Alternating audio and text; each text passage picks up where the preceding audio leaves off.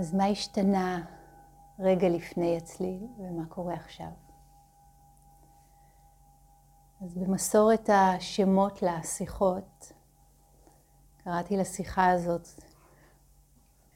כשההר איננו כבד. אולי מישהו כבר מתחיל לזהות את המשפט A mountain is not heavy unless you try to lift it. אז איך אנחנו עושים את זה? ומה זה בכלל אי שניות? אני מבטיחה לא לענות על השאלה. ובעצם אנחנו נמצאים פה על ברכיה של מסורת כל כך ארוכה. אני מניחה שהיא מגיעה עד תחילת המין האנושי. וכל מיני דתות או פילוסופיות או אה, מסורות שונות לקחו עליה מדי פעם בעלות. זה בעצם, אפשר להגיד, תיאור, description, של הבנה, של חוויה, של מצב, אולי אפילו של אמת, dare I say. וזה מופיע בכל מיני מקומות. המונח אי שניות הוא מונח אה, שמגיע מהסנסקריט, עד וייטה, לא שניים. אתם רואים, יש דמיון בין האנגלית לסנסקריט בכל מיני מילים. לא שניים, not two. שימו לב, לא אומרים הכל אחד.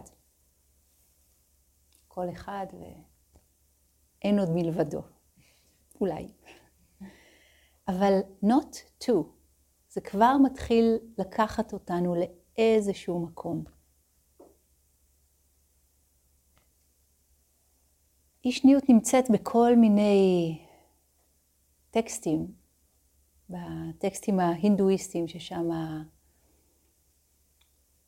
אפשר להגיד המונח הזה רווח, או הטיצ'ינג הזה רווח, אדווייתא, אדווייתא ודנתא, זה מופיע באנתא, בסוף של הוודות, טקסטים שנקראים אופנישדות, שהם היו פחות או יותר קונטמפררי uh, בזמן, בזמן של הבודה. ובאופן מעניין בטיצ'ינג הקדום, בדרשות המוקדמות של הבודה, בקנון הפאלי, אני מצאתי הרבה מאוד אזכורים והצבעות אל, וממש לימוד של אי שניות. הבודה לא קרא לזה אדווייתא, הוא לא קרא לזה בכלל, הוא פשוט לימד את זה. כתבתי על זה תזה לפני הרבה שנים. אה, זכיתי לצלול כמה שנים לתוך הדרשות עם העין שמחפשת אי שניות, כי המורים האחרים שלי באו מהמסורת הזאת של האדווייתא. אז מי ששמע על אה, רמנם הרשי, מי ששמע על, סיפרתי לכם את השם, אמרתי לכם את השם של ניסר גדת המהר"ז, יש לי פה את הספר, את אחד מספרי המופת, הקלאסיקות האלה של, אה, של הרוחניקים. אני הוא זה.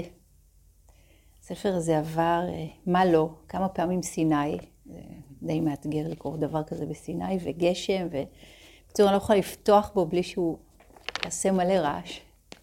אז כבר ככה מין אה, חבר לדרך ומורה בפני עצמו, וזה ספר שאני חוזרת אליו שנים, וכל פעם מין פתיחה כזאת, ואה, וואו, אוקיי, זה מין חומר טוב. הספר הזה ספציפית, אני אקרא ממנו עוד מעט משהו, אבל הספר הזה הוא אסופת אה, שיחות שמהראז' שהיה מורה הודי בבומביי נתן, אה, פשוט אה, שוחח עם אנשים שהגיעו אליו לדירה הקטנה שלו, איפשהו באיזה אזור פחות פחות מוצלח של בומביי. וזכיתי ללמוד עם מי שהיה אחד מהתלמידים הישירים שלו, רמש בלסקר, הרבה שנים הייתי נוסעת, מבלה, אם אפשר לקרוא לזה, תקופות בבומביי, וכל יום הולכת לשמוע את רמש מדבר תמיד על אותו דבר, תמיד על אותו דבר, ותמיד זה היה וואו. ובין לבין, ובמיוחד בשנים האחרונות, הרבה שנים שרמש כבר לא חי, יצא לי לנסוע, הפעם האחרונה הייתה באוגוסט האחרון, למקום שדי הפך להיות הבית השני שלי, והוא די מין אה, מכה, אפשר להגיד, ללימוד ולתרגול באופן הזה. הזכרתי קודם את רמנה מהרשי, זה המקום שלו. כבר גם לא חי הרבה שנים, נפטר במאה הקודמת. מקום בדרום הודו, בתמיל נדו, שנקרא טירו ונם עליי.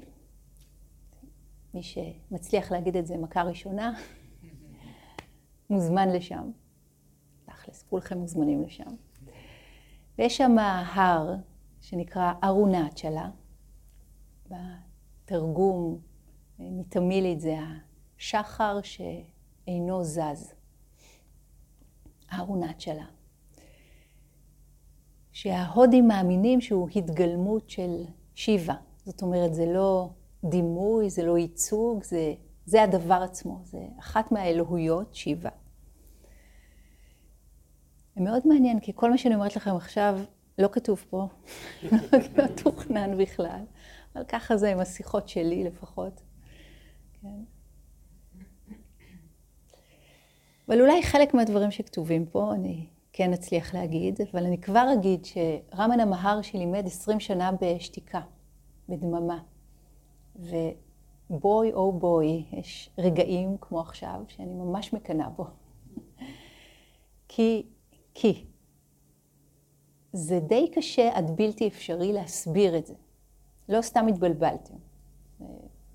מי שהגיע אליי ולרן היום, במניחה, בשיחות האישיות, היה גם חלק מהשאלות היו, אבל מה זה? אבל מה זה בעצם? אבל אני לא, לא בטוח שלגמרי, לא, שלגמרי הבנתי מה זה. אז זהו זה, זה, אלה החדשות הטובות. אי אפשר להבין את זה במוח הרגיל, כי אמרנו את זה אתמול, ערן ואני, המוח או ה mind, אני אשתמש ב, במילים האלה שתכלס לא מצליחות להקיף את הדבר anyway, כמו כל מילה או כל מושג, אה, לסירוגין או תודעה. עובד בדואליות, אז איך הוא יכול להבין לא דואליות? לא יכול. אבל משהו אחר בנו כן יכול. משהו אחר בנו. עכשיו, כל מה שאני אגיד על זה יהיה לא מדויק, בגלל זה אני מקנאה ברמנה מהרשי. עשרים שנה הוא לימד בשתיקה. אחרי עשרים שנה באו וביקשו ממנו שילמד, שידבר. אז הוא אומר, אבל אני מלמד אתכם כל הזמן. אמרו, אבל בבקשה, תן כמה מילים לדבר הזה שאתה... כן.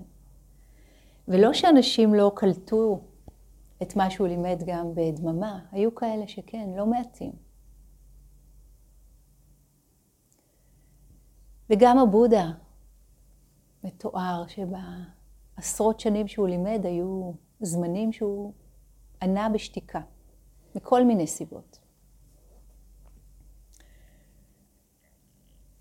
ואפשר לדבר על אי שניות בכל מיני דרכים.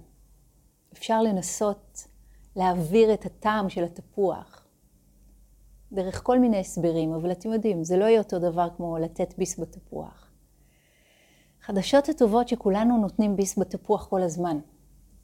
רק טעם של תפוח זה דבר עדין, ובדרך כלל ה mind שלנו רגיל לתת ביסים בו זמנית בעוד הרבה דברים אחרים, פחות עדינים. יותר מונסודיום גלוטומט, יותר כזה משהו דרמטי כזה של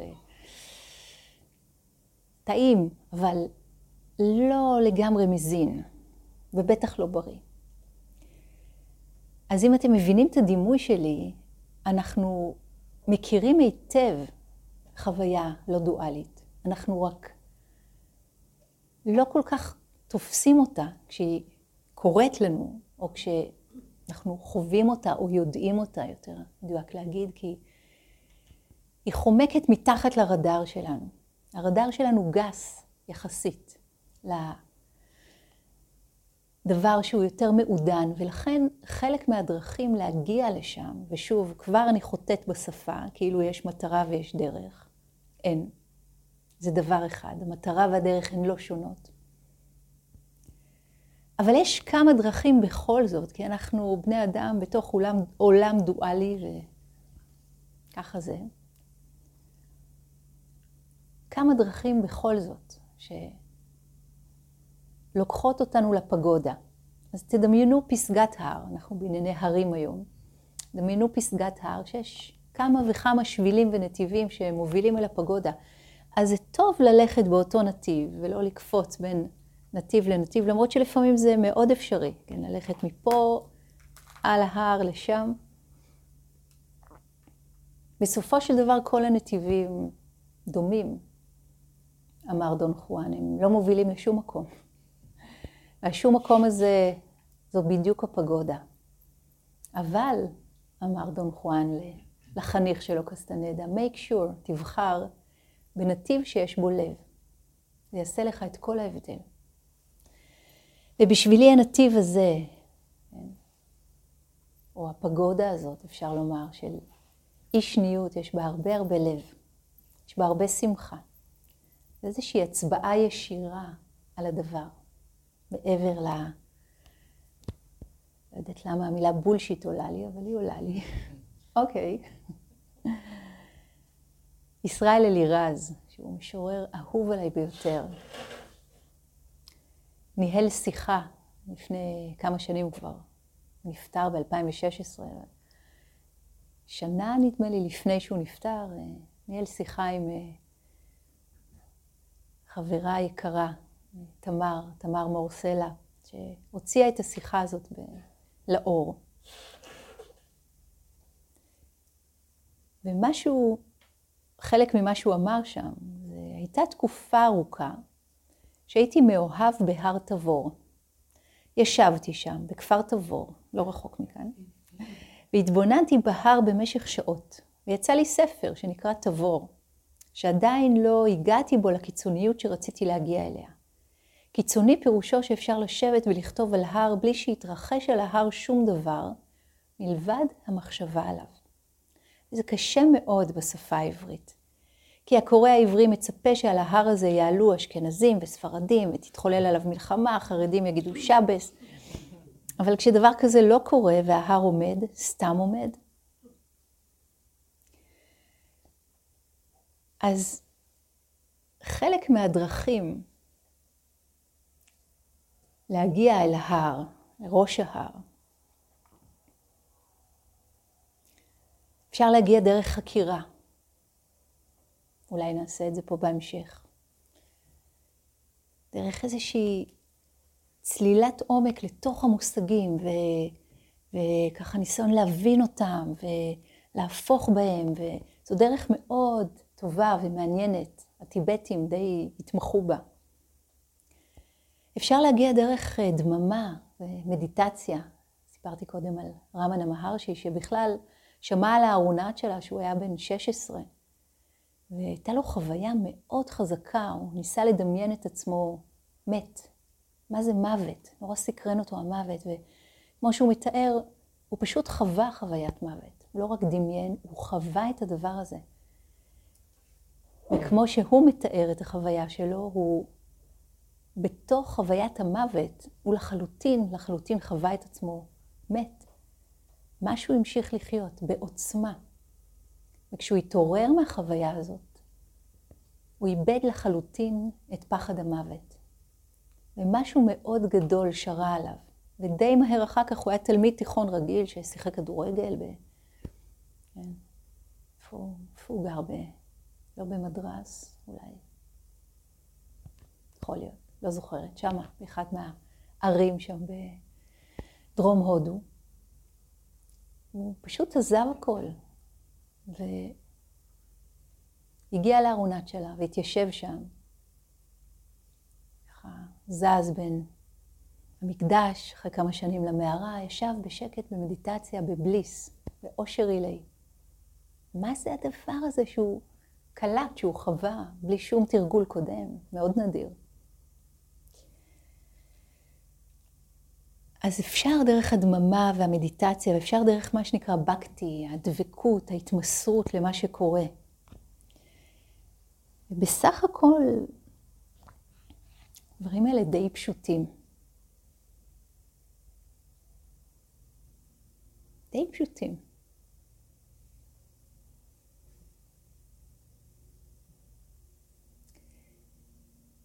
יש שיר יפני של אה, אישה צעירה שנפטרה בגיל צעיר, לפני הרבה זמן. קנקו מיסוזו, שם שלה. הדבורה נמצאת בפרח, הפרח בגינה. הגן מוקף חומה, החומה בעיר, העיר ביפן, יפן בעולם, העולם באלוהים, ואלוהים בדבורה הקטנה. אז מה שאני אעשה פה הערב זה מפה ומפה ומפה ומפה, ואולי באחד המפואים האלה יהיה ניצוץ שידליק את הלהבה הקטנה שתגדל ללהבה יותר גדולה, אולי של סקרנות, אולי של פתאום, פתאום נגלה שאין לנו מצנח אבל גם אין קרקע.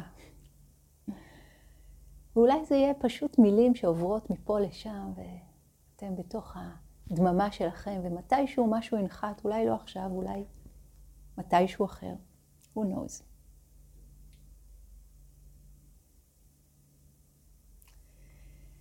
אל הבודה הגיע איש בשם בהיה, ששמע שהבודה הוא מורה מואר, הוא רוצה ללמוד איתו. והוא ממש נדנד לו. הוא בא, הוא עזב הכל, והלך, והלך, והלך. הוא היה בסביבה הזאת, באזור של בומביי. והבודה בכלל היה בצפון, והוא הלך, והלך, והלך. ו...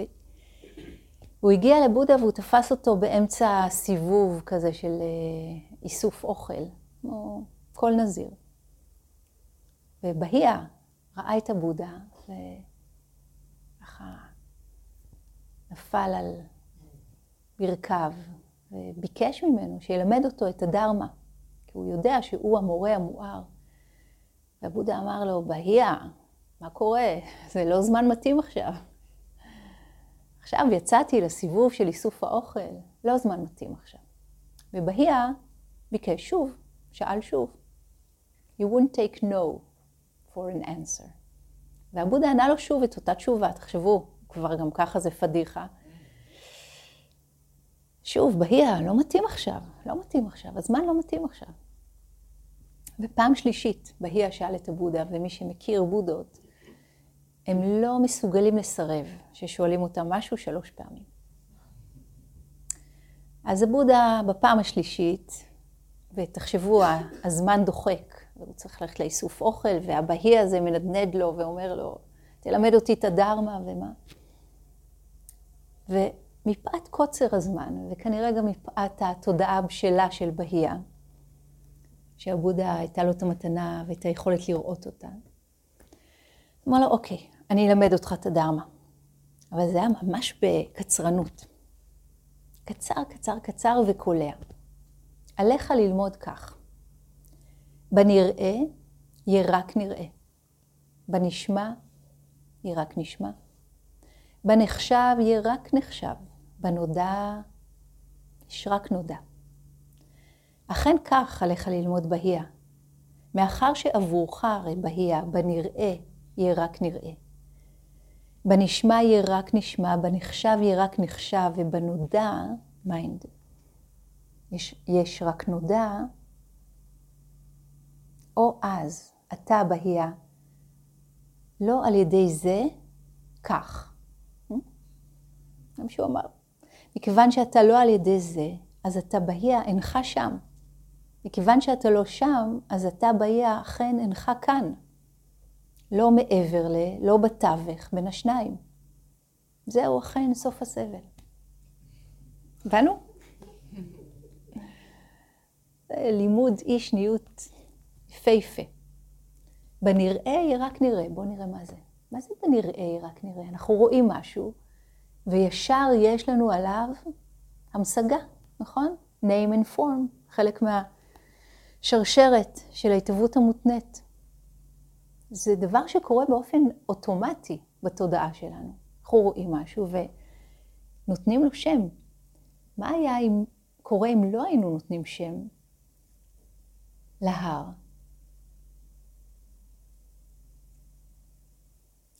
לתת שמות לדברים, זה כאילו, כאילו לדעת אותם, נכון? כאילו אני יודעת משהו, אני קוראת לו בשם ומדפדפת אותו הלאה. תחשבו על ישראל אלירז שישב והסתכל, והסתכל, והסתכל, והסתכל על ההר. מתי פעם אחרונה הסתכלנו ככה? והסתכלנו, והסתכלנו, והסתכלנו עוד. אבל רק הסתכלנו. בלי הדברים שאנחנו יודעים מקודם, ובלי הספקולציות שלנו לגבי מה שאולי יקרה. זאת אחת הדרכים לדבר על זה. אפילו השם של ההר, אפילו לקרוא לזה הר. ואיך אפשר להביא מבט אחר שבנראה יהיה רק נראה, בלי כל התוספות והזנבות והקישוטים והפרפרים, ועוד נגיע לפרפרים, עוד מעט. ללא name and form. בדרך כלל, כשאנחנו מכירים דברים לעומק, אנחנו אוהבים, רוצים, זקוקים לכנות אותם בשם. בעלי, אשתי, כאילו יש להם, אה, נכון, תו תקן כזה של הילדים שלי, ואז אנחנו מצפים מהם עוד יותר. הם לא סתם ילדים של השכנה, הם שלי, נכון? ואז אם הם שלי, הם אמורים להיות המשך שלנו, נכון? משהו כזה. מה יכול להתאפשר כשנסכים להסתכל על האני ושלי, למשל, במבט שהוא יחף מזה. ובו זמנית שהוא יחף, הוא כבר מרענן, ורענן יותר, ומרענן את הדבר הזה שעליו אנחנו מביטים, שנדמה לנו שאנחנו מכירים אותו מעולה. הדבר הזה יכול להיות הבן זוג, בת זוג שלנו, הילדים שלנו, ההורים שלנו, האויבים שלנו, השכנים שלנו. הדבר הזה, לא רק ההר. יש ספר מאוד יפה לאלן ווטס, שנקרא החוכמה שבחוסר הביטחון, ספר שנכתב לפני הרבה שנים, מסר לעידן החרדה. לגמרי. ובין השאר, כותב פה באחד הפרקים, אתה מקשיב לשיר, פתאום אני שואל אותך, מי אתה ברגע הזה? איך תענה על השאלה הזאת מיד ובספונטניות, בלי להשתהות כדי לחפש מילים? אם השאלה לא הפריעה לך להקשיב, תוכל לענות בכך שתזמזם את השיר. אם השאלה הפתיעה אותך, תענה, מי אתה ברגע הזה? אבל אם תעצור לחשוב, תנסה לספר לי לא על הרגע הזה, אלא על העבר. אני אקבל מידע על שמך ועל כתובתך, על העסק שלך ועל סיפור חייך. אבל שאלתי מי אתה עכשיו, לא מי היית. כי המודעות למציאות, להווה החי, היא הגילוי שבכל רגע החוויה היא הכל. אין שום דבר מלבדה. שום חוויה של אתה חווה את החוויה.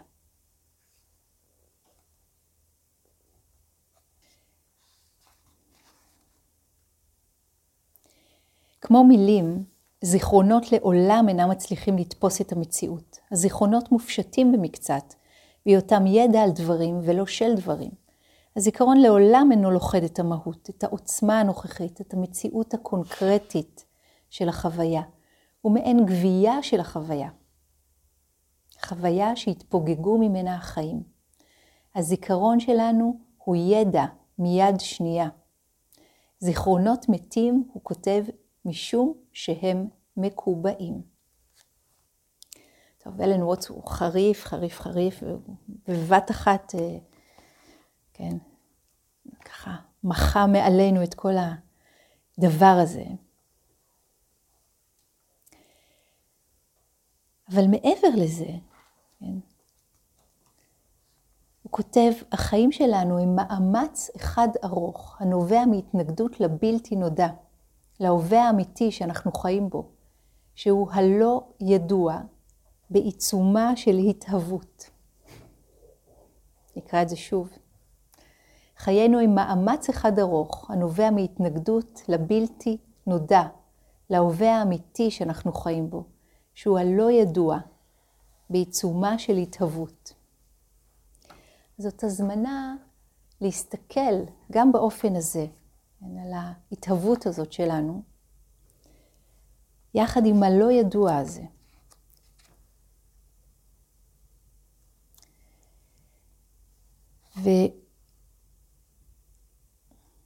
וכלים כאלה, כמו כלים של שפה ומחשבה, הוא אומר, יכולים באמת לשמש אנשים רק אם הם ערים, לא אבודים בארץ החלומות של העבר והעתיד, אלא במגע הקרוב ביותר עם נקודת החוויה הזו, שבה המציאות לבדה יכולה להתגלות, הרגע הזה.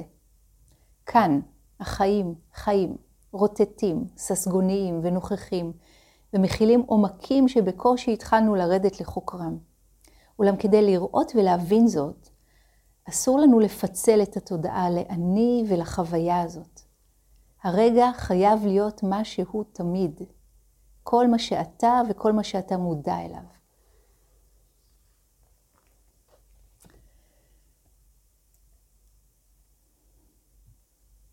זאת הזמנה להתבלבל ביחד ולתת לתודעה שמתבלבלת, ל mind שמתבלבל מהמילים, אולי רגע ככה לזוז, לזוז קצת הצידה, לפנות קצת משהו מהתמונה למשהו שהוא אחר בתוכנו, שכן מבין את זה. יש לנו איזושהי אינטואיציה לגבי מה זה היה הדבר הזה שרמן גילה? מה זה היה הדבר הזה שאלן ווטס מדבר עליו?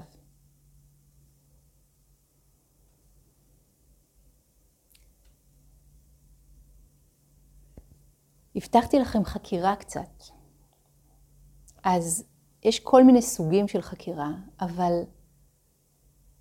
מבט אל, ה, אל אבני הבניין הראשוניות של החוויה שלנו, אומר, המושגים שאנחנו משתמשים בהם, למשל הרגע הזה, מה זה אומר הרגע הזה? כמה זמן נמשך הרגע? האם יש לו התחלה, אמצע וסוף? השאלה הזאת מפילה מישהו מהכיסא. אם יש לו התחלה, אמצע וסוף, אז לרגע הבא גם כן יש התחלה, אמצע וסוף? ואם לרגע הזה יש סוף ולרגע הבא יש התחלה, אז מה יש ביניהם? מה יש ביניהם? עוד רגע? אבל כבר דחסנו אחד על השני. האומנם? האם באמת ככה זה עובד? אולי באופן אחר בכלל.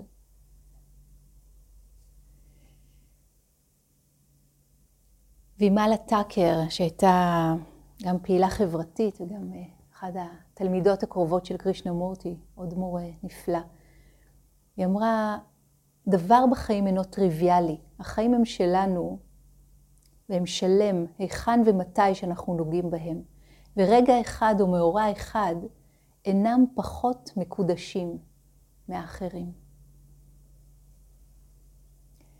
זה קצת סותר את האופן שבו התודעה הרגילה שלנו עובדת. זה נדמה לנו יותר חשוב מזה. הרגע הזה שבו אנחנו יושבים במדיטציה, אולי הוא פחות חשוב מהרגע הבא שבו נלך ונעשה משהו מועיל עם עצמנו. ומה עם רגע של תכנון? כמה הוא חשוב? אנחנו יכולים למצוא את עצמנו, כמו שתיארתי קודם, ב... מתי זה היה? לפני אלף שנה בבוקר. יושבים ואוכלים במין... אוכלים לא אוכלים, נכון? הכף בקושי מספיקה להגיע לפה ואנחנו כבר בכף הבאה. מה זה ההרגל הכל כך חזק הזה? לא להיות כאן ועכשיו. וגם אם אנחנו לא פותרים את חידת הרגע, התחלה, אמצע, סוף, שזה אחת החקירות הטיבטיות המדליקות, מה זה הדבר הזה שמניע אותנו כל הזמן לשם ואחר כך, לאז ופעם. מה שולף אותנו כל הזמן בחוסר מנוחה תמידי מהמקום שזכותנו המלאה להיות בו, והזמן שזכותנו המלאה להיות בו. המקום והזמן היחידים שבהם קורים החיים. איפה הם קורים? אם הם לא כאן ועכשיו, הם לא בשום מקום אחר. הם לא יכולים להיות בשום מקום אחר. כל השאר זה ספקולציה. כמו שהוא קורא לזיכרון, אה, סוג של משהו מת. ומשהו בנו כל הזמן מסיט אותנו משם. אז אחת הדרכים להסתכל על זה, זה נגיד מודל השכבות. הבנה שבדיוק כמו שהענן לא יכול באמת להסתיר את השמש, נדמה לנו שהוא מסתיר את השמש, אבל השמש כל הזמן זורחת. 24/7, אין ספור שנים. מנקודת המבט שלנו על פני כדור הארץ והיכולת שלנו לראות דברים, נראה לנו שהשמש מסתתרת מדי פעם מאחורי ענן. אבל בהבנה העמוקה שלנו אנחנו יודעים שזה לא אפשרי. ענן מול שמש זה לא כוחות, נכון? יש פה איזה משהו בפרספקטיבה שגורם לנו לא לראות את השמש. בדיוק באותו אופן, הבודה נייצ'ר, או הטבע האמיתי שלנו, או הדבר הזה שאין לו שם וצורה ואי אפשר לדבר עליו, אבל אפשר לרמז עליו בשירים, בהנחיות אניגמטיות, בשיחת דרמה מהסוג הזה, שמי יודע איפה היא נוחתת. הדבר הזה נמצא בנו כל הזמן. ויש טעויות פרספקטיבה או שכבות שמונעות מאיתנו לחוות את החוויה הזאת שלו. ולכן הבודה אמר לבהיה, טוב, אין לי זמן, אז זה הולך להיות קצר. בנראה יש רק את הנראה. בנשמע רק את הנשמע. וכולי. למה הכוונה? בלי שום תוספת מיותרת של אני, שלי, אתה, שלך. מה זה אומר הדבר הזה שאני רואה? רק נקודת המפגש, עין, אמרתי לכם שאי אפשר לדבר על זה. העין פוגשת צורה, ויש את ה-consciousness של הראייה, וקוראת הראייה. כל השאר אקסטרה. ועד שיגיעו המים, בואו ננסה לחוות את ההנחיות האלה. בנראה רק נראה. בנשמע רק נשמע. במוחש רק מוחש. בנחשב רק נחשב.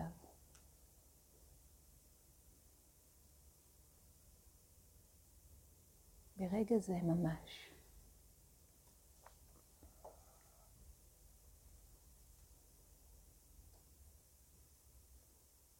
בהיא התעורר אחרי שהוא שמע את ההנחיות האלה. Give it a chance. בנראה רק נראה.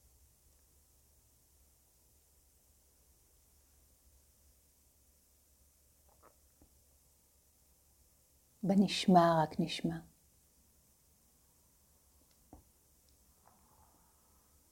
בנחשב רק נחשב. בנודע רק נודע.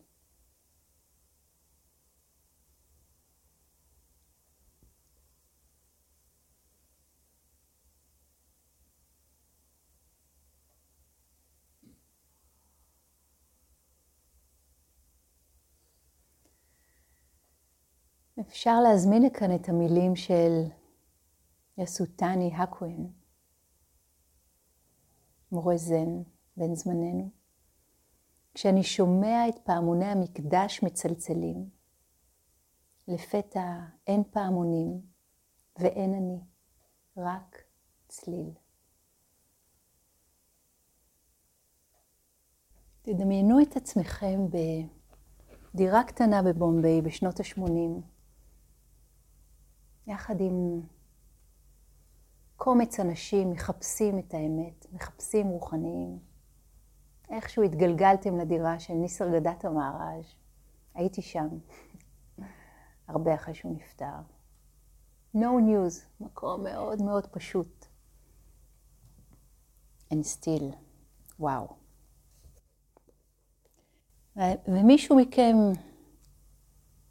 שואל את מארז' שאלה ומתפתחת שיחה. המהר"ש לא מתנהג כמו שנדמה לכם אולי מה שיש לכם בתפיסה איך אה, מורה רוחני אמור להתנהג. הוא חם מזג, ולא כזה נחמד, ובכלל הוא מוכר ומגלגל סיגריות בידי לפרנסתו. אולי בגלל זה התחלתי להשתעל. לא המורה לבוש הלבן מפרדס חנה, משהו אחר. ואחד מכם שואל אותו, אני חייב להודות שבאתי היום במצב רוח מרדני. היה לי ניסיון מכאיב בחברת התעופה. כשאני נתקל במצבים כאלה, הכל נראה לי מפוקפק וחסר תועלת. אתם יודעים, החיים האמיתיים. ומהר"ז אומר לו, זה מצב רוח מועיל מאוד. לפקפק בכל, לדחות הכל, לא לרצות ללמוד ממישהו אחר. זה פרי הסדנה, סדנה זה ה-spiritual practice, תרגול. כן? זה פרי הסדנה הממושכת שלך. אחרי הכל, לא ממשיכים ללמוד לנצח. והשואל אומר לו, נמאס לי מזה, זה לא הביא, לא הביא אותי לשום מקום.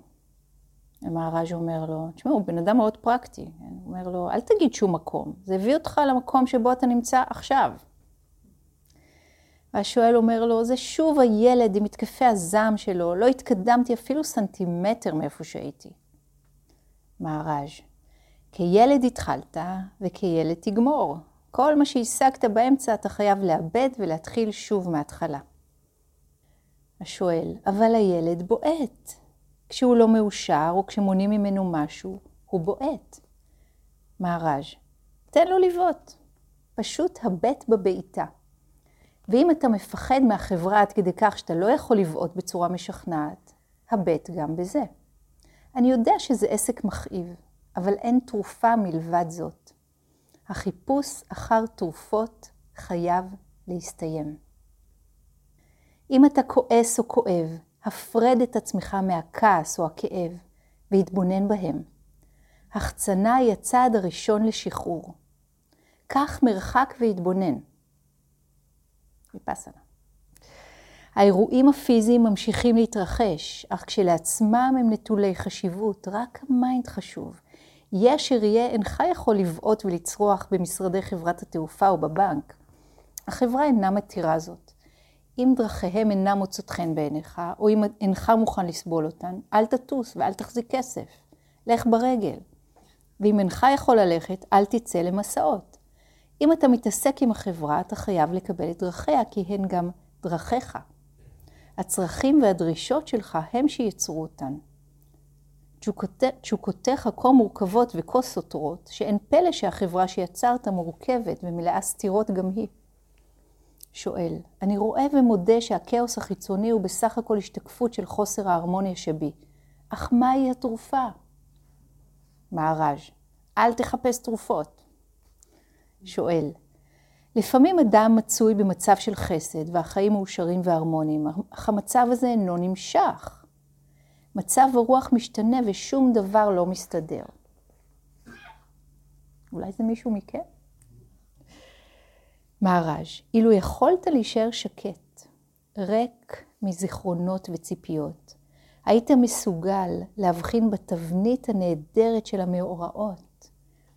חוסר המנוחה שלך הוא שיוצר את הכאוס. שואל, בשלוש השעות שביליתי במשרדי חברת התעופה, בואו זה הודו, מזדהה איתו, תרגלתי סבלנות והבלגה. לא האצתי בדברים.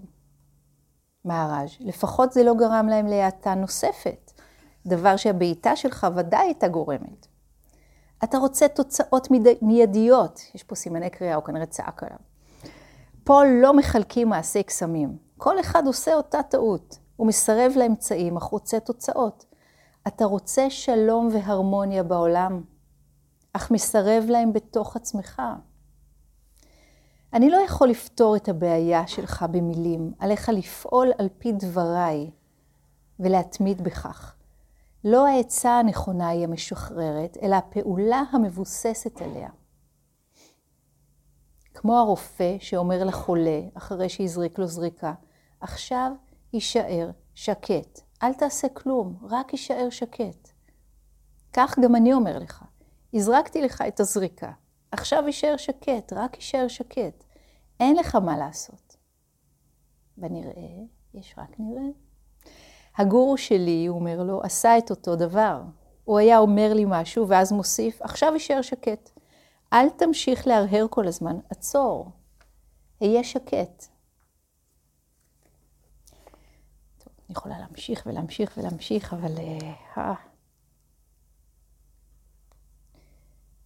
עוד קצת. אה? אני מדלגת קצת. אם רק תנסה להישאר שקט, הכל יבוא. עבודה, הכוח לעבוד, המניע הנכון. האם אתה חייב לדעת הכל מראש? אל תדאג ביחס לעתידך, אהיה שקט עכשיו, והכל יסתדר. הבלתי צפוי חייב לקרות, אך הדבר שלא אנו מצפים אולי לא יבוא לעולם. אל תאמר לי שאינך מסוגל לשלוט בטבעך, אינך צריך לשלוט בו, זרוק אותו לכל הרוחות. אל תחזיק בטבע שיש להילחם בו להיכנע לו. שום חוויה לא תפגע בך לרעה כל עוד לא תהפוך אותה להרגל. הכל הווה, כי אתה הווה. הבן את הנקודה הזאת היטב, למלוא עומקה, והגה בה ללא הרף. עוד אחד קטן, בהמשך השיחה. בשנתיים האחרונות, הוא אומר לו, השואל, הייתי עקר, שומם וריק, ולעיתים קרובות התפללתי לבוא המוות. ומהר"ז אומר לו, באת לכאן, ודברים התחילו להתגלגל, הנח להם לקרות כפי שהם קורים. בסופו של דבר, הם יסתדרו על הצד הטוב ביותר. אינך צריך להתאמץ ביחס לעתיד, הוא יבוא אליך מעצמו.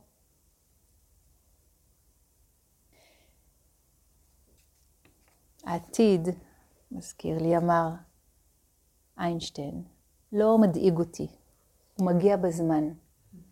אני עצמי, הוא הוסיף, מסתפק בהתפעלות מהמסתורין. העתיד לא מדאיג אותי, הוא מגיע בזמן. אני עצמי מסתפק בהתפעלות מהמסתורין. תמיד יש רגעים שמרגישים בהם מרוקנים ומנוכרים, הרגעים האלה רצויים מאוד, הוא אומר לו. פירושם שהנשמה עזבה את המעגן והפליגה למקומות רחוקים. זאת אי היאחזות, הישן חלף והחדש טרם הגיע. אם אתה פוחד, המצב הזה עשוי להיות מכאיב. אך האמת היא שאין ממה לפחד. זכור את ההנחיה הזאת, כל מה שאתה פוגש בו, התעלה מעליו. מי החיים מתנפצים על סלעי האובייקטים, הנחשקים או השנואים.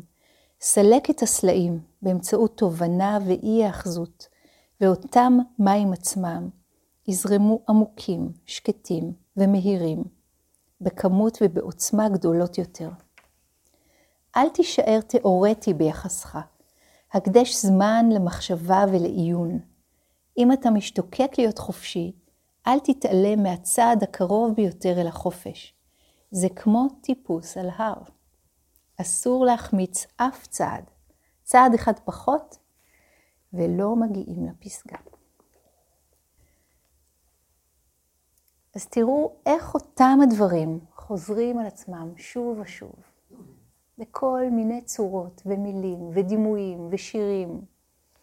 וזה כמו הצבעה שוב ושוב על הדבר הזה שלא ניתן להגיד אותו במילים, אבל המילים רומזות לנו עליו. זה כמו ריח, כמו בושם עדין ודק שאנחנו הולכים אחריו ואומרים, יש פה משהו בשבילי.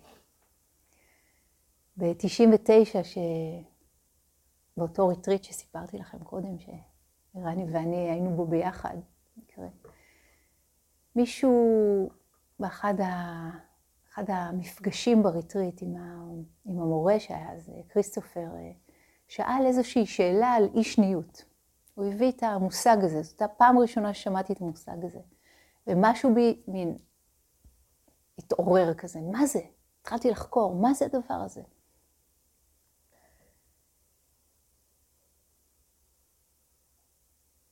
מתוך הסקרנות והעניין, עם הרבה מאוד מאוד בלבול בדרך, אפשר להגיד שעצם הכמיהה לדעת, בסופו של דבר היא זו שמובילה אותנו הביתה.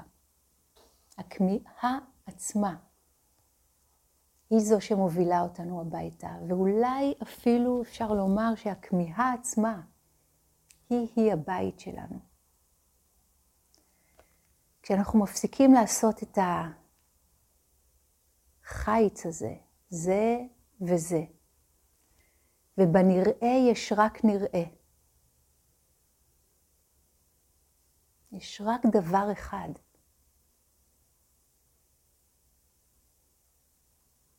כל העולם שלנו מתחיל להשתנות, או משתנה בבת אחת.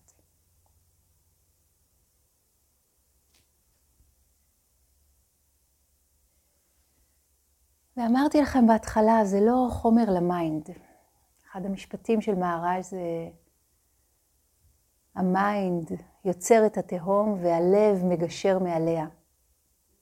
אז בשיחה הזאת, בין השאר, אני מנסה לדבר בשפה הזאת שהייתה שלנו, לפני שה mind הגיע וחילק וחייץ ואמר ונתן שמות ונהיה לנו את הדבר הזה של המשיכה ודחייה והם ואנחנו והנפרדות המכאיבה הזאת כל כך. וכל הסיפור הזה הוא גם יכול להישאר מאוד תיאורטי, אבל אני רוצה לכוון אותנו למקום המאוד מאוד פרקטי ויומיומי שלו לקראת סיום. כי מעבר להיקסמות ולפעמים מילה אחת מספיקה, לפתוח לנו את התודעה, וואו, וכל העולם comes rushing in. ולפעמים ההבנה ש... איך שאני תופס את עצמי, זה פשוט לא נכון. הנפרדות, החלוקה להם ואני, הכל כך מכאיבה הזאת שאנחנו רואים מסביבנו, הפלגנות. זאת סיבת הסיבות, עילת העילות לכל המלחמות. התפיסה הלא נכונה הזאתי, שלא רואה את הריבוי והמגוון שאנחנו גם משתייכים אליהם, כחלק מהיופי ומהחסד של המסתורין הזה שנקרא חיים, ובוחרת לראות משהו מאוד קטן בתוך זה, נקודה צרה ובודדת.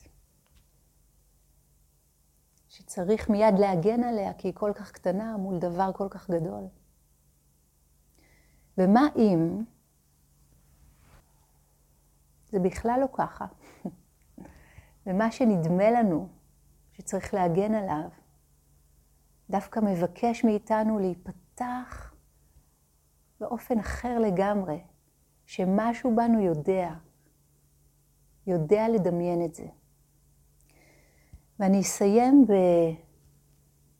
בסיפור אמיתי מחיי הטבע. אני שנים מלמדת על, ה... על הקסם הזה שקורה בטבע, איך זחל הופך לפרפר. אני מביאה את זה הרבה פעמים כדוגמה ל... להשתנות וטרנספורמציה. זה באמת די מדהים, כן, שה... זחל שאוכל ואוכל ואוכל, יום אחד קופא על עומדו והופך להיות גולם, קריסליס. כן? וממנו, באיזשהו תהליך ממש פלאי, בוקע פרפר, איך זה קורה. אז מה שידעתי עד עכשיו זה שהדבר הזה, כן?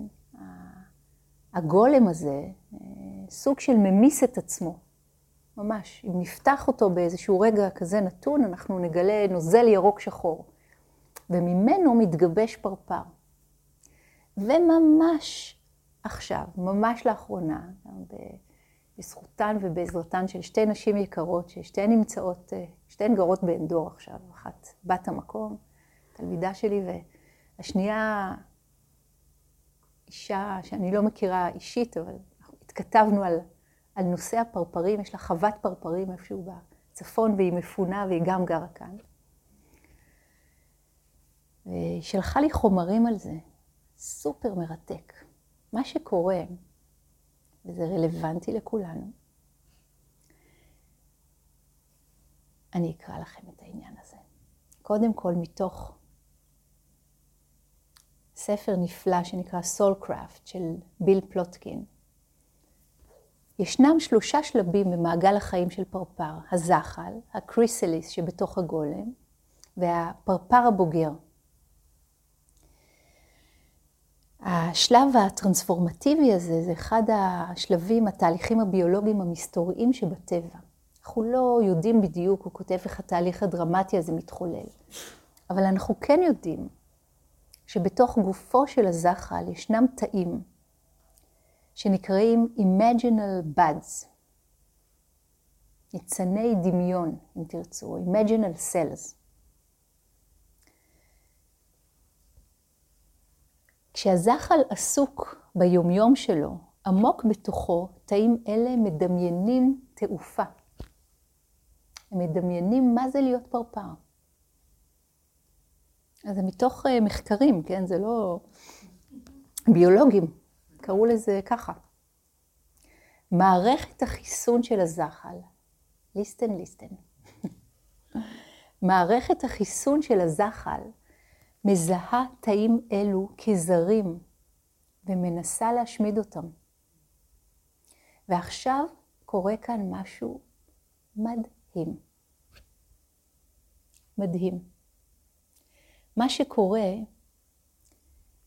זה שה-Imaginal Buds האלה מתחילים להתחבר יחד מול האיום הזה של ההשמדה. הם מתחילים להתחבר יחד. בתוך הדבר המוזר הזה, כן? שהוא עדיין מין נוזל כזה. וחלק מהתאים הקודמים, כן, שהיו זחל, מנסים להשמיד את ה-Imaginal Buds, את התאים החדשים שיודעים את הזיכרון, יודעים משהו על פרפריות. הם אחרים, הם שונים גנטית, יש להם גנום אחר. ומתחילים לתקוף אותם. והתאים האלה, החדשים, ה-Imaginal Buds, מתאגדים יחד. הם מתאגדים יחד והם מתחילים להדהד באותו תדר, בתדר שלהם, יחד. ויש עוד גושים כאלה ועוד גושים כאלה ועוד גושים כאלה. תאי הדמיון זה מתוך מחקר, אני מקריאה עכשיו. תאי הדמיון החדשים האלה ממשיכים להופיע יותר ויותר מהם, יותר ויותר מהם, והם מהדהדים יחד. מתישהו, המערכת החיסונית של הזחל לא יכולה להרוס אותה מהר מספיק. ויותר ויותר מהתאים האלה, המדמיינים האלה, שורדים. מעבירים מידע אחד לשני. וכמו גל של חדשות טובות, הם כותבים, מסתובב בכל המערכת, נדנות והתרוממות, אבל עדיין לא פרפר. ואז בשלב מסוים, כל המחרוזת הארוכה של תאים מדומיינים או מדמיינים כאלה, פתאום מבינה יחד שזה משהו שונה מהזחל. משהו חדש. בהבנה הזאת, הם כותבים, נמצאת הצעקה של הולדת הפרפר. מילים מאוד uh, יפות, פואטיות. מאחר שהפרפר עכשיו יודע שהוא פרפר, התאים הדמיוניים הקטנים כבר לא צריכים לעשות את כל הדברים האלה שתאים בודדים צריכים לעשות. עכשיו הם חלק מאורגניזם רב-תאי, משפחה שיכולה לחלוק את העבודה. כל תא פרפר חדש יכול לקחת על עצמו עבודה אחרת. יש משהו לכל אחד לעשות, וכולם חשובים. וכל תא מתחיל לעשות בדיוק את הדבר הזה שהוא הכי נמשך אליו, וכל תא אחר מעודד אותו לעשות בדיוק את זה. איזו דרך נהדרת הם כותבים לארגן פרפר. אז אני רוצה לשלוח אותנו לאוויר הלילה, עם הידיעה הזאת, שגם בנו יש imaginal buds, תאים שיודעים לדמיין התעוררות מלאה ושלמה, בשבילנו ובשביל האחרים. אולי עכשיו אנחנו נמצאים בשלב הזחל. אולי אנחנו כבר בשלב הקריסליס. אולי משהו נלחם בתוכנו ממש חזק, והזחל שאנחנו צועק גוואלד, מה עושים? מתמסרים, מרפים, אין מצנח, אבל גם אין קרקע. אולי זה קורה לנו ברמה האישית ממש כאן ועכשיו, אני כבר רואה כמה כנפיים קטנות, והיא מגרד לכם פה בשכמות מאחורה, זה אומר שהם מתחילים, מתחילות לבקוע. וגם אולי בשלב הלאומי, הארצי שאנחנו נמצאים בו, אולי בשלב העולמי שאנחנו נמצאים בו. מה שבטוח זה שאחרי ששמענו את זה, אנחנו יכולים להיזכר ביכולת שלנו להתאגד יחד, גם בתוכנו וגם עם האחרים, ולהדהד את הדבר הזה לקראת השינוי. אז בואו נשב עם המילים האלה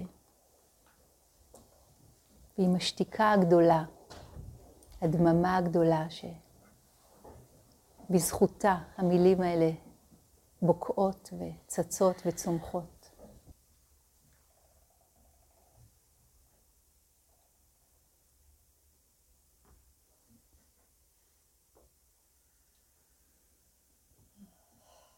בנראה רק נראה. רק זה. הדממה שחובקת את הכל.